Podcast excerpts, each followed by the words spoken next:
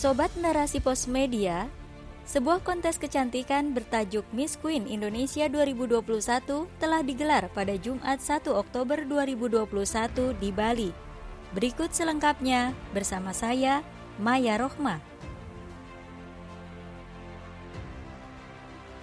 Miss Queen di kontes meriah konfigurasi diri yang membeloti fitrah. Karya Dewi Fitratul Hasanah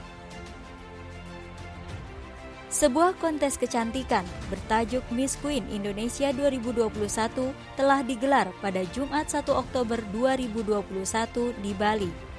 Kontes bagi para LGBT ini berlangsung meriah, di mana kontestan bernama Milen Sirus terpilih menjadi pemenang dan ia berhak mengikuti kontes lanjutan bertaraf internasional di Thailand mendatang.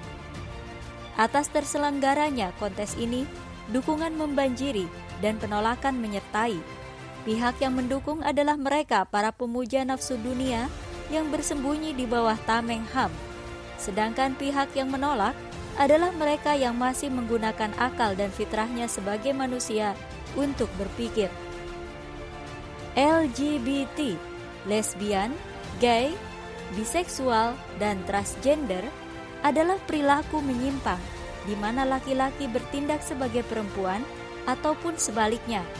Mereka menyukai dan menggauli sesama jenisnya bahkan tanpa pandang usia.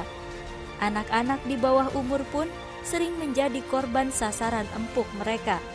Begitu pula yang lesbian, perempuan menyetubuhi perempuan atau biseksual yang terkadang dengan laki-laki dan terkadang juga dengan perempuan. Sementara yang transgender adalah perilaku kesemua tadi yang dibarengi dengan mengubah jenis kelaminnya dengan cara operasi. Kesemuanya merupakan logika yang terjungkir, yang berputar semrawut di luar akal sehat manusia. Bagaimana tidak? Binatang saja tidak mau mengawini binatang yang sama jenis kelaminnya.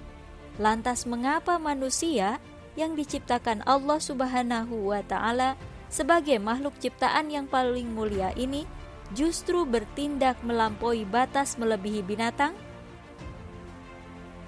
Allah Subhanahu wa Ta'ala menciptakan semua di bumi ini berpasang-pasangan, baik dari apa yang ditumbuhkan oleh bumi dan dari diri mereka, maupun dari apa yang tidak mereka ketahui. Quran Surah Yasin ayat 36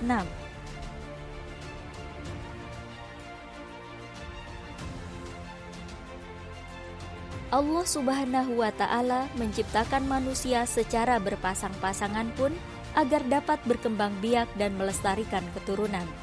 Sebagaimana firman Allah Subhanahu wa Ta'ala, dan di antara tanda-tanda kekuasaannya, ialah Dia menciptakan untukmu istri-istri dari jenismu sendiri, supaya kamu cenderung dan merasa tentram kepadanya, dan dijadikannya di antara kamu rasa kasih dan sayang. Sesungguhnya pada yang demikian itu, benar-benar terdapat tanda-tanda bagi kaum yang berfikir. Quran Surat Ar-Rum ayat 21 Sungguh, LGBT ini amatlah hina, dan Allah subhanahu wa ta'ala pun telah melaknatnya. Diriwayatkan oleh Imam Ahmad dari Ibnu Abbas radhiyallahu anhuma bahwa Rasulullah Shallallahu Alaihi Wasallam bersabda, Allah melaknat siapa saja yang berbuat seperti perbuatan kaum Nabi Lut. LGBT adalah perbuatan mungkar sekaligus aib dan perusak generasi bangsa yang seharusnya diberantas. Lantas mengapa malah sedemikian diapresiasi di atas pentas? Jamak diketahui Indonesia adalah negara penganut ideologi sekularisme. Keberadaan penerapan ideologi sekularisme, yaitu pemisahan aturan agama dalam berkehidupan di negeri ini, telah menjadi induk semang atas bercokolnya LGBT yang kian hari tumbuh bersemi. Pemerintah telah begitu telanjang mendukung dengan membiarkan LGBT ini bergerak, berjalan bahkan menari gemulai di negeri ini. Pemerintah seolah lupa dan menutup mata serta mati rasa atas bahaya dan kerusakan oleh ulah LGBT ini. Lain halnya ketika Islam dipeluk tidak hanya sebagai sebuah agama, namun juga sebagai pedoman dan sistem berkehidupan dalam skala individu, masyarakat, dan negara. Tentulah LGBT ini akan ditindaklanjuti. Pemerintah takkan membiarkan propaganda LGBT ini beredar bebas, menjamuri media-media yang selama ini gencar meracuni generasi. Para pelaku yang terbukti memperkosa orang yang tidak LGBT, bahkan sampai membunuh misalnya, maka akan dihukum tegas berdasarkan sanksi Islam. Sanksi yang terbukti ampuh membuat jerah pelaku dan menimbulkan efek takut bagi mereka yang hendak meniru. Mereka juga akan dibina agar kembali menjalani hidupnya sesuai dengan yang Allah amanahkan.